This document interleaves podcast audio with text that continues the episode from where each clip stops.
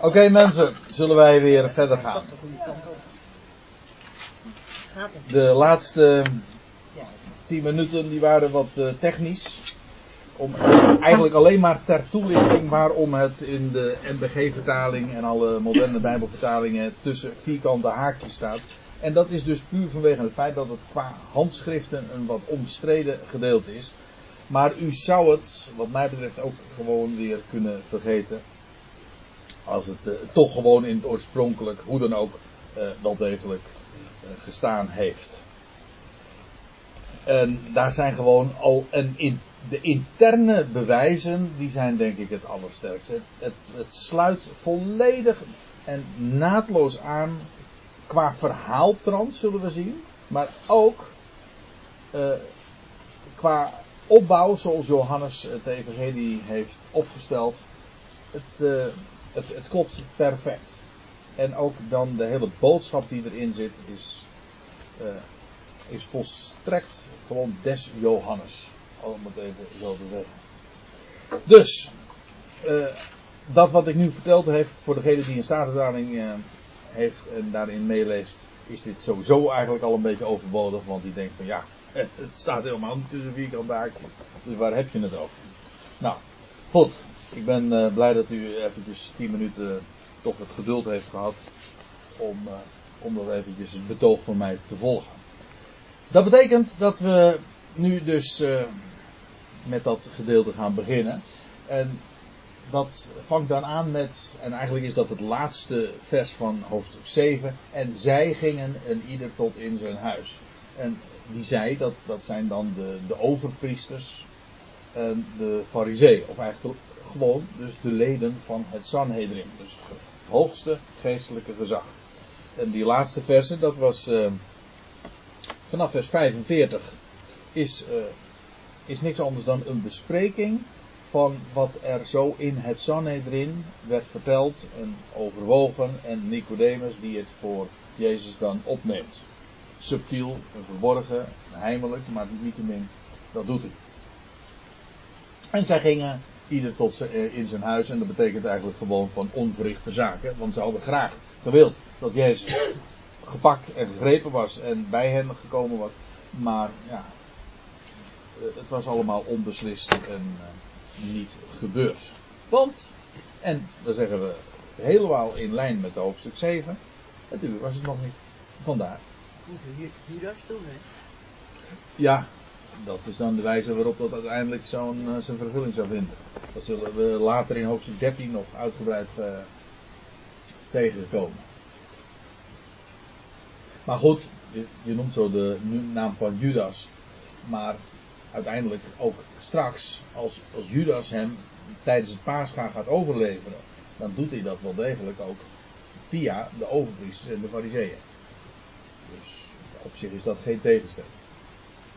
Afijn, zij gingen, zij, de leden van het Sanhedrin, gingen ieder tot in zijn huis. Maar Jezus ging naar de berg van de olijven. Zo staat het dan letterlijk in de, in de grondtekst. De berg van de olijven. En zo heette die natuurlijk, omdat het een berg was die helemaal bezaaid was met, uh, met olijven. Dat is nu niet zo sterk meer het geval. Hoewel er nog steeds olijven staan die dateren uit de tijd dat Jezus daar ook rondwandelde. Als je bijvoorbeeld nu, in, uh, nu nog gaat naar de plek die wordt aangewezen als uh, Gethsemane, ja, die, dat is nog steeds een hof van, van olijfbomen. En die bomen die zijn inderdaad al een jaar of 2000 oud. Want die bomen die gaan in principe, als je ze niet ommaakt, gaan ze nooit dood. Dat is, is een unieke boom. Want hij regenereert zichzelf. Ja. Oh, jullie, oh, jullie ook niet een... Uh... Nee, nee, nee, maar wij zitten natuurlijk... Of we zaten in Portugal. Met oh. die olijfbomen. Ja. Dus ze zo'n snoeien en het groeit eruit. En ja. eerst weer snoeien. Ja. ja. Duizenden jaren oud kan, kan zo'n boom dan worden. En daarom is de, de olijfboom ook zo'n prachtig type. Ook al, al, ook al om wat het produceert, namelijk olijfolie. En daarmee ook weer licht en geneeskrachtig, et cetera. Maar de olijfboom in zichzelf is al een type van onvergankelijk leven. Dat een boom die zichzelf uh, regenereert, regenereert, betekent trouwens ook al, het is een biologische term, maar uh, het betekent wedergeboren. doet worden. Regenereren betekent wedergeboren. Ja, hoe duidelijk wil het hebben. Goed, uh, Jezus ging heen naar de berg van de Olijven. Zoals hij dat trouwens gewoon was te doen. Als hij in Jeruzalem was, ging hij in de nacht naar de Olijfberg toe. Je leest in Lucas 21, overdag leerde hij in de tempel. Doch de nachten bracht hij buiten door op de berg, Olijfberg genaamd.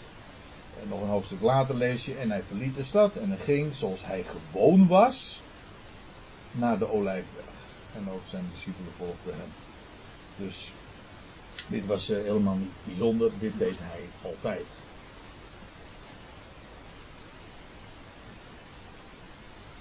Ik stel voor dat we de geschiedenis wat, uh, wat eens nader zullen bezien. Het zou wel mooi zijn als we bij vers 11 arriveren, maar ik weet niet of me dat gaat lukken. In de ochtendschemering echter uh, kwam hij weer aan in de tempel, zoals ook de vorige dag. Dus die geschiedenis over wat we zojuist, waar we het voor de pauze over hadden, dat was de voorgaande dag. Je, die, dat vond, zich ook al, vond ook al plaats daar bij de tempel. En nu is Jezus weer, na een nacht verbleven te hebben op de Olijfberg, is hij weer teruggekeerd. Al vroeg in de ochtend. En kwam hij weer aan in de tempel. En al het volk kwam naar hem toe. Natuurlijk zeer tot ongenoegen van de leidslieden. Maar al het volk kwam naar hem toe en hij ging zitten en hij onderwees hem. En uh, dat las je, laten we in hoofdstuk 7 ook al, want dan staat er in vers 14. Maar toen het feest reeds halverwege was, het Loofhuttenfeest dus, ging Jezus op tot in de tempel en hij onderwees. En hij deed dat in een zittende positie, dat is ook de positie van een leraar. Profeet, zeg ik altijd, een profeet staat, een leraar zit. Vandaar ook de leerstoel. Ja. Het, het, duidt ook op een positie van rust. Als je in rust bent, dan, dan kun je niet alleen onderwijs geven, maar dan, zo ontvang je ook uh, onderwijs. Hij ging zitten, onderwezen. De schriftgeleerden echter en de fariseeën brachten een vrouw. Eerst even dit. Dus er wordt hier gesproken over de schriftgeleerden. Weet u hoe vaak dat gebeurt in Johannes Evangelie? Vraag eens.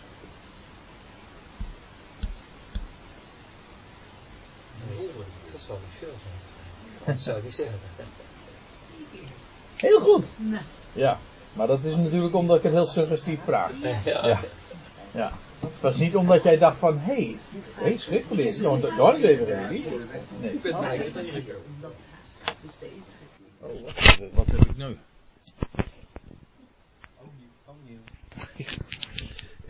Ik weet niet of dat goed overgekomen is. Waarschijnlijk niet. Nou ja.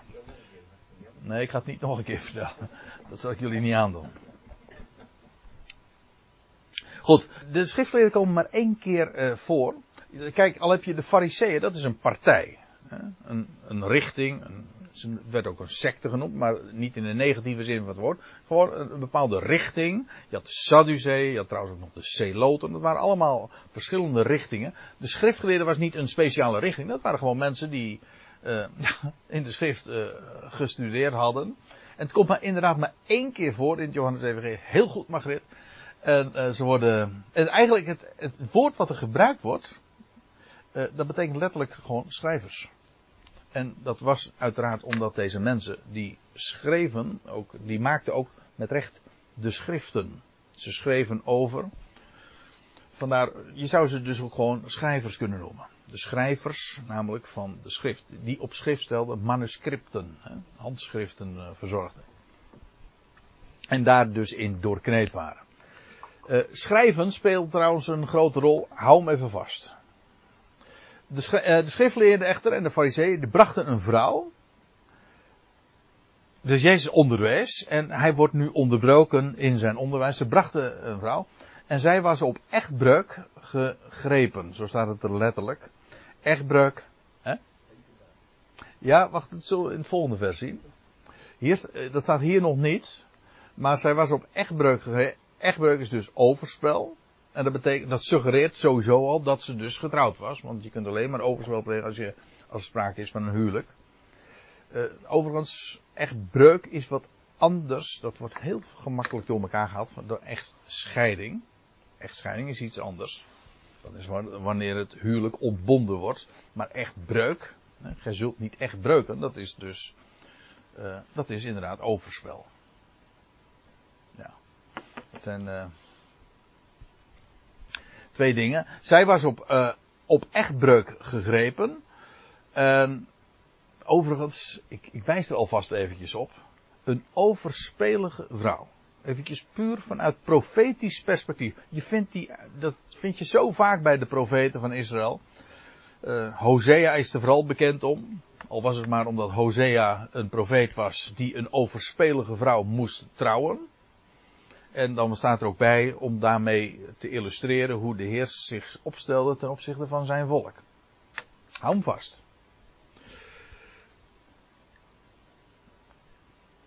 Zij was op echtbreuk gegrepen en ze stelde haar in het midden. Waarna je natuurlijk meteen al de vraag stelt. It takes two to tango, maar dat geldt ook voor overspel. Daar heb je er toch twee voor nodig. Dan is er een overspeelster, maar ook een overspeler. Waarom?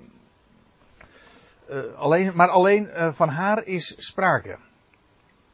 Zij, zij, dat is dus die schriftgeleerde en die uh, en de fariseeën, die zeiden tot hem, meester, deze vrouw is gegrepen op heterdaad bij het plegen van echtbreuk.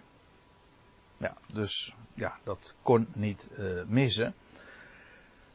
Waarbij het woordje heterdaad in dit geval nog wel een heel erg speciaal woord is ook, hè?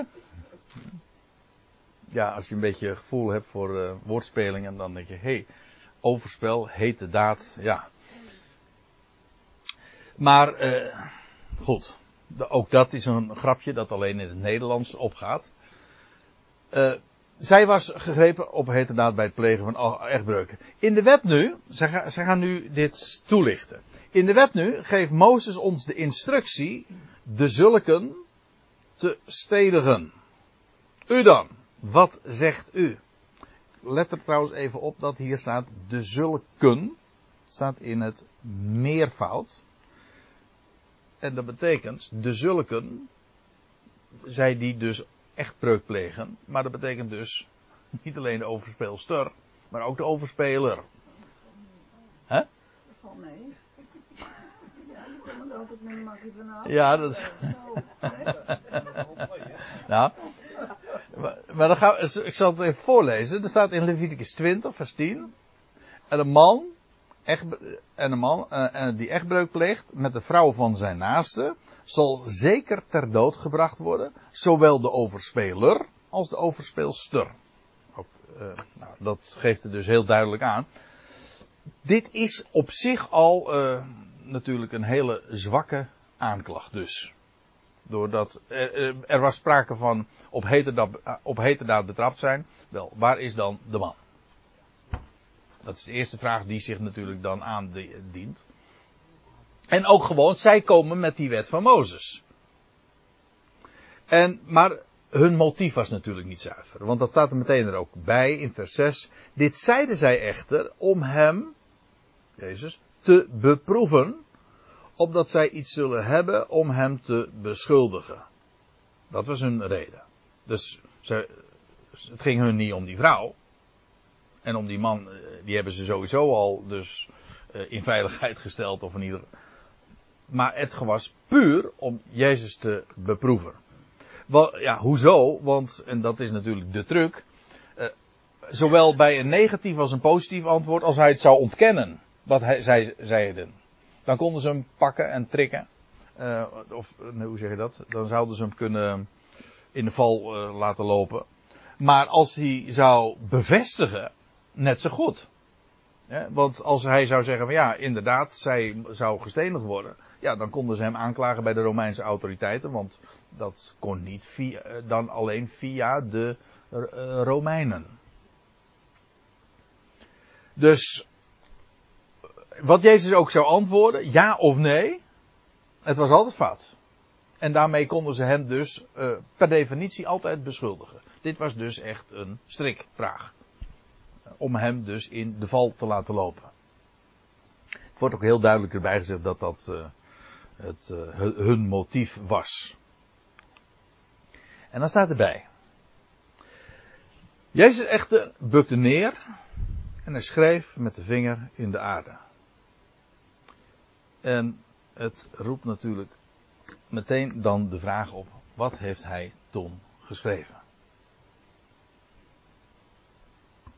En ik, ik heb er al, nou, ik heb al heel wat keren hier ook over gehoord, hè, want het is een hele intrigerende vraag. Ten meer omdat we het straks nog een keer lezen. Hè. Wat, heeft, wat heeft hij geschreven? Maar Johannes vermeldt het niet. Dus kennelijk gaat het niet zozeer om wat hij geschreven heeft, want dan had Johannes erbij vermeld. Maar het ging erom, hij, hij bukte neer, hij schreef met de vinger in de aarde. Ja, nou ja, in de aarde, ja, kijk, hij bevond zich in de tempel.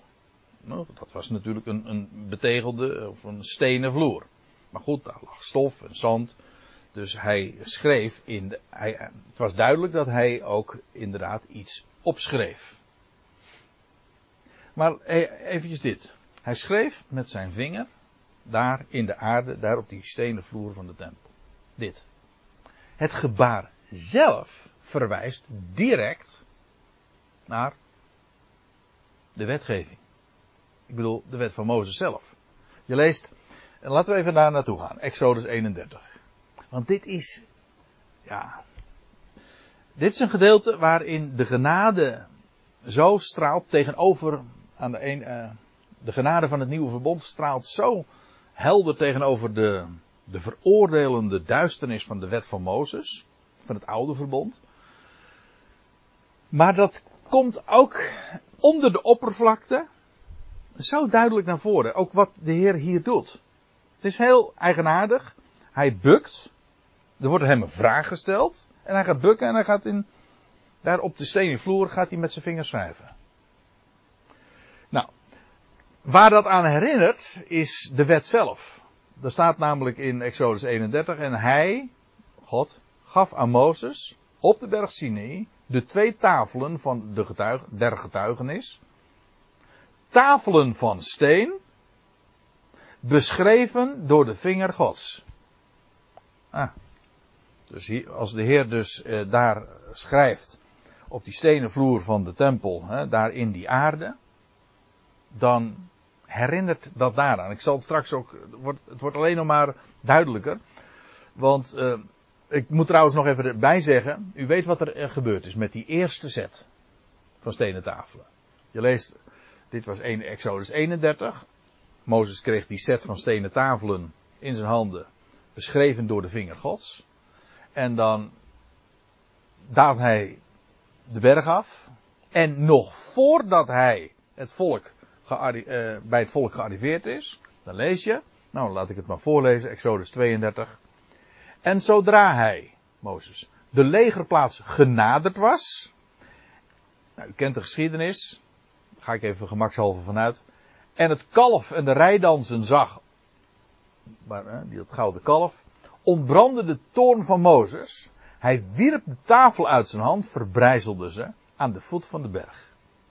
Dus nog, die, de wet was al gebroken, dit bedoel ik dubbelzinnig. De wet was al gebroken, voordat het aan het volk gegeven kon worden. Dat was wat er gebeurde met die eerste set van stenen tafelen. Beschreven met de vinger Gods in die, ja, in die stenen dus.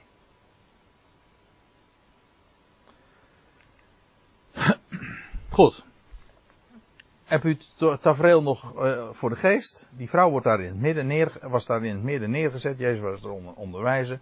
De vraag wordt hem, voor, hem voorgelegd. Jezus geeft geen antwoord. Hij gaat gewoon met zijn vinger daar in, in dat zand of in, in die aarde schrijven.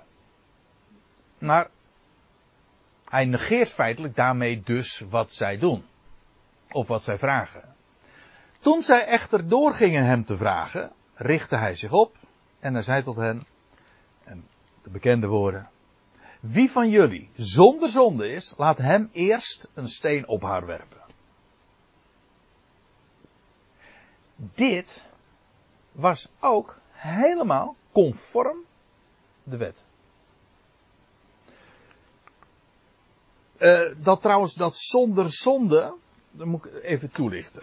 Want volgens mij zijn daar toch een aantal misverstanden over. Ik heb daar bijvoorbeeld ik heb daar de verklaring van gehoord. Ja, degene die zonder zonde is, dat is de, dat is de bedrogen echtgenoot. Dat is de onschuldige partner. Die is zonder zonde. Eh, die vrouw die heeft overspel gepleegd. Degene die zonder zonde is, dat zou dus dan de, de man zijn van, die, van deze overspelige vrouw. Dat wordt er over gezegd. Ik zal straks laten zien, volgens mij eh, vrij duidelijk, dat dat niet het geval is.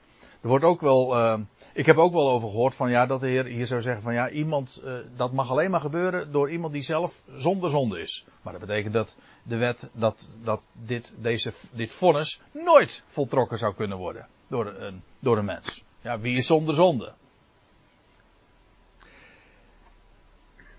Als daarentegen de Heer Jezus hier gewoon refereert aan de wet van Mozes, dan lijkt het me wel uh, gewoon duidelijk, degene die zonder zonde is, dat is degene die als eerste gerechtigd is de steen te werpen. Laten we eventjes naar Deuteronomium 17 toe gaan. Daar staat, op de verklaring van twee of drie getuigen zal de ter, dat is minimaal dus, hè, zal de ter dood veroordeelde ter dood gebracht worden. Op de verklaring van één getuige zal hij niet ter dood gebracht worden. Eén getuige is geen getuige dus. Het moet minimaal twee zijn. En dan staat erbij, het eerst zal de hand der getuigen zich tegen hem keren om hem ter dood te brengen en daarna de hand van het gehele volk. Dus de steen moest het eerst geworpen worden door de getuigen. Door de getuigen, door de getuigen. Namelijk de betrouwbare getuigen. Dat is de. Als u het mij vraagt.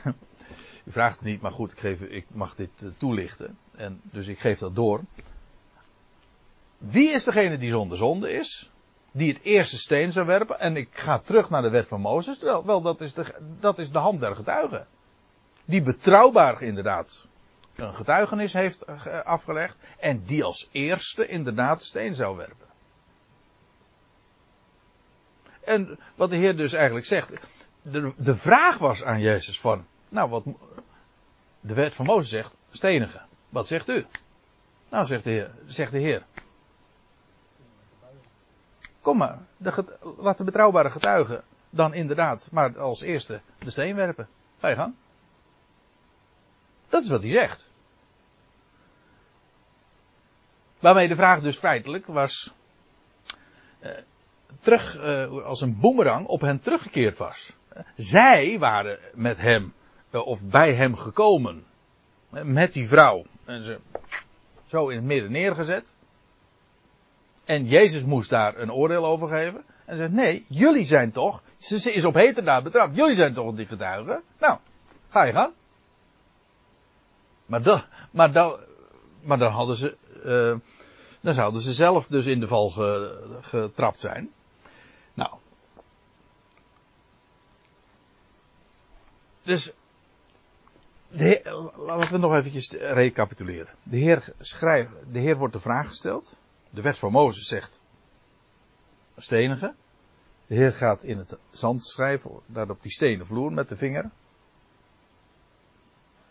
Vervolgens wordt er door aangedrongen. Nee, maar wat zegt u nu? En dan zegt nou, gewoon wat de wet zegt. Wie de eerste uh, bijzonder zonde is, die werpen de eerste steen. En dan staat er, en weer bukte hij zich voorover en schreef in de aarde. Waar doet dat aan denken?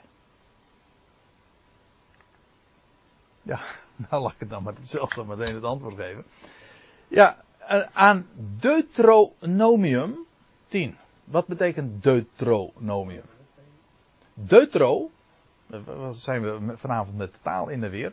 Maar Deutero betekent tweede. Nomium betekent wet. Tweede wet. En waar herinnert Deuteronomium aan? Aan het feit dat God twee keer met zijn vinger in stenen tafelen heeft geschreven. De eerste zet werd, was meteen, werd op de mens gelegd en was meteen verbroken, verbrijzeld. Dat was veroordeling. eigenlijk een type van het oude verbond. Op het, op het moment dat de wet op de mens gelegd wordt, dan is het, eh, dan is het, eh, dan is het inderdaad veroordeling en dan blijft er niks van over. Het oude verbond wordt, heet ook een bediening des doods en een bediening van veroordeling. 2 Korinthe 3. Nou gaat de Heer weer in het zand schrijven. Of hij, weer bukte hij zich voorover en schreef in de aarde. Opnieuw. Nou lezen we, dan gaan we naar Deuteronomium 10 en dan lees je. Toen zeide Yahweh tot mij, Mozes, hou uw twee stenen tafelen, zoals de eerste. Dan zal ik, Yahweh, op de tafelen, die stenen dus, de woorden schrijven die stonden op de eerste tafelen, welke u verbrijzeld hebt. Dus weer ga ik met de vinger in die stenen tafelen. Maar nu, wat gebeurt er iets anders? Bij die Deuteronomium, bij die tweede wet, de tweede keer dat hij met de vinger schreef, dan gebeurt er iets bijzonders met die wet. Want er staat erachter, en u zult ze in de ark leggen. Dacht, ach, ik heb, ben vergeten dat plaatje erbij te doen. In de ark. En daar werd de wet veiliggesteld. Die ark, u weet, ja, is een schitterend type in alle onderdelen van Christus. Onder het verzoendeksel. Waar de hoge priester dan één keer per jaar dat bloed sprenkelde. En dat werd in het, die, die ark in het, in het heiligdom, die houten kist, weet u wel. Uh, maar overdekt met uh, puur goud. Een beeld van het feit dat de Heer Jezus mens was, een, een, ook een sterveling. Maar overdekt met goud. Goddelijke heerlijkheid. Dat wil zeggen, de opgewekte ook. Die, wat ik eigenlijk, ik weet eigenlijk niet hoe ik het allemaal goed moet, moet vertellen, maar die ark is in al haar onderdelen, ook met die krans eromheen, die gerubs, de, wat was er nog meer in die wet, of in die ark? De, de staf van Aaron die gebloeid had. Of de kruik, de gouden kruik met manna. Nou, al die onderdelen spreken van Christus. Ik wil het nu verder niet toelichten, want dat zou me te ver afvoeren van het onderwerp. Maar wat ik er eigenlijk mee wil zeggen is dit. Die wet gelegd op de mens betekent veroordeling en dood. Bij de tweede keer, als God de wet geeft, wordt het veiliggesteld en dan wordt het in Christus geplaatst. En zoals de Heer Jezus trouwens dat profetisch ook zegt, dat staat al in de psalmen, uw wet is in mijn binnenste. En hij heeft de wet vervuld. De, en eigenlijk is dit ook een, een, beeld van het nieuwe verbond. Straks lees je ook, je leest dat met Israël een nieuw verbond gesloten zal worden.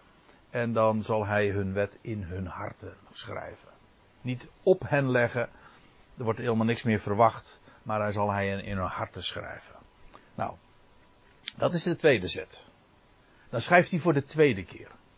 En de eerste keer heeft te maken met veroordeling en met dood.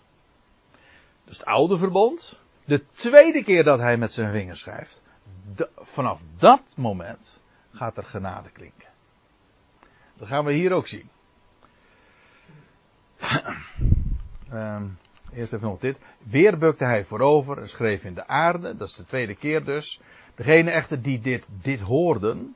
In de Statenvertaling staat er dan nog bij. Um, door het geweten terechtgewezen. Of hoe staat het er precies? In hun geweten getroffen? Van een geweten overtuigd zijn. Oh, van een geweten overtuigd zijn. Dat wil zeggen, ze waren recht in het geweten dus aangesproken. En ze gingen uit één voor één. Beginnende vanaf de ouderen. Ze dropen allemaal af. En hij, Jezus, werd alleen gelaten. En de vrouw in het midden. Met dat, zo begon het, de, dit hele tafereel, dit, deze geschiedenis. En zo eindigde het dan ook weer met dat verschil. Nu, nu zijn ze allemaal weg. In het midden staan. In z'n tweeën. Ja. Je, op het tempelplein. hè? Midden op het tempelplein. Op de wagen. Ja, die ziet. Ja, nou, ik denk in ieder geval, degenen die dit hoorden, gingen uit één voor één. Dat, eh, dat zijn de, degenen die met de aanklacht kwamen, die hem. Hè? Ja, lijkt mij wel. Want eh, met, over de, de andere want de Heer Jezus was al aan het onderwijzen. En wellicht de discipelen eromheen. En eh, wie nog meer, weet ik niet. Dat speelt verder hier ook geen rol. Maar zij komen, zij onderbreken de Heer. En ze komen, ze zetten die vrouw gewoon daar in het midden neer. Zodat alle aandacht ineens eh, naar die vrouw uitgaat. En nou is die vrouw nog steeds daar in het midden, maar eh, eh, inmiddels zijn zij weg. Hè? De, aankla de aanklagers, één voor één zijn ze allemaal afgedroven. Beginnend vanaf de ouderen. Die eh, het meeste zelfkennis geacht worden te hebben. Hè? En Jezus richtte zich op. En zei tot haar: Vrouw, waar zijn ze? De hele, het hele, de, de wijze waarop dit beschreven wordt, suggereert dat Jezus helemaal geen eens notie had genomen van het feit dat ze weggingen. Het, eigenlijk, er wordt hem een vraag gesteld en hij gaat schrijven. Hij is niet hier in gesprek. Hij is, hij, ehm, hij is, hij is ook niet, eh, hij heeft zich ook niet triomfantelijk uitgelaten naar, naar die, eh, degene die hem, eh, die kwamen met die aanklacht. Helemaal niets. De Heer negeerde dat gewoon. Het enige wat hij deed, is twee keer schrijven met zijn vinger op die stenen vloer in de aarde. Dat is wat hij deed. Twee keer. En de eerste keer, bij de eerste keer zegt hij nou van wie zonder zonde is, die werpen de eerste steen. En bij de tweede keer zegt waar zijn ze gebleven? Waar zijn ze gebleven? Veroordeelt niemand jou? Ja, het feit dat niemand het vonnis voltrokken had, dat is in feite het intrekken van hun veroordeling. Toch? Ze kwamen met die veroordeling. En nou waren ze allemaal afgedropen. Daarmee hebben ze in de praktijk gedemonstreerd dat ze hun veroordeling hebben ingetrokken. Veroordeelt niemand jou? En zij echter zijn niemand heer. Heer. Dus die, deze vraag heeft in de gaten gehad. eh, met wie zij hier van doen had. Ja, en als we het nou dan toch helemaal hebben over degene die, als het in de meest absolute zin, die zonder zonde is. eh, ja, wat zou hij zeggen? En dan zegt Jezus, ook ik veroordeel jou niet. Ja. En dan ga heen, of ga, ga, en zondig vanaf nu niet meer. Let op de volgorde. Let op de volgorde. Hij zegt dus niet, ga en zondig vanaf nu niet meer en ik veroordeel jou niet. Want in dat geval zou, de, zou het niet veroordelen gebaseerd zijn op haar gedrag dan alsnog weer. Nee, hij zegt, ik veroordeel jou niet. Dat is het uitgangspunt. Ik veroordeel jou niet.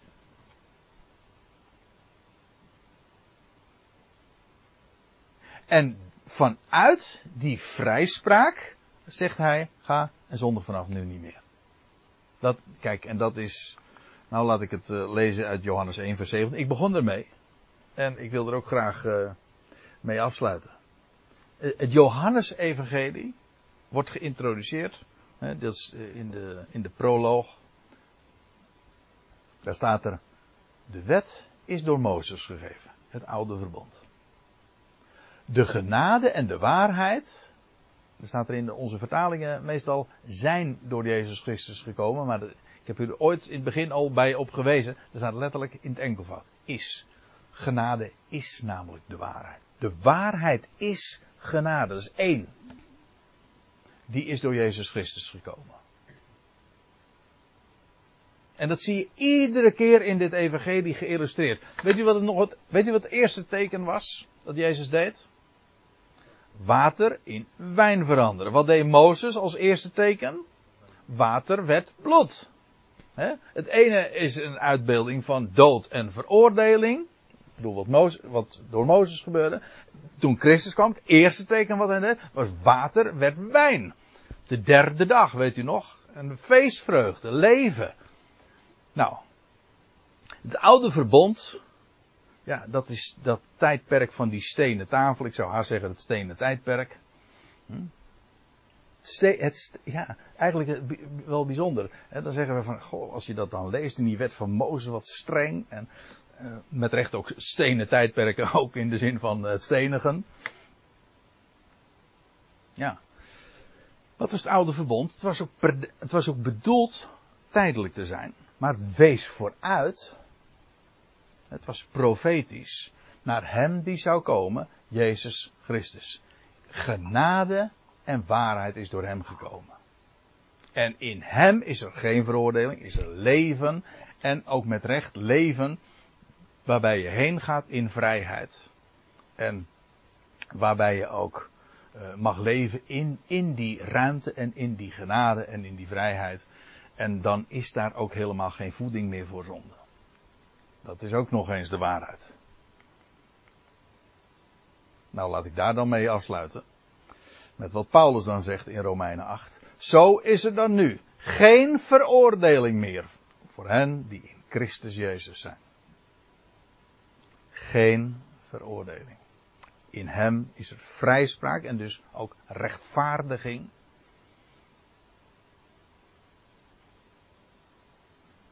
En wat, en als God rechtvaardigt, wie zal veroordelen?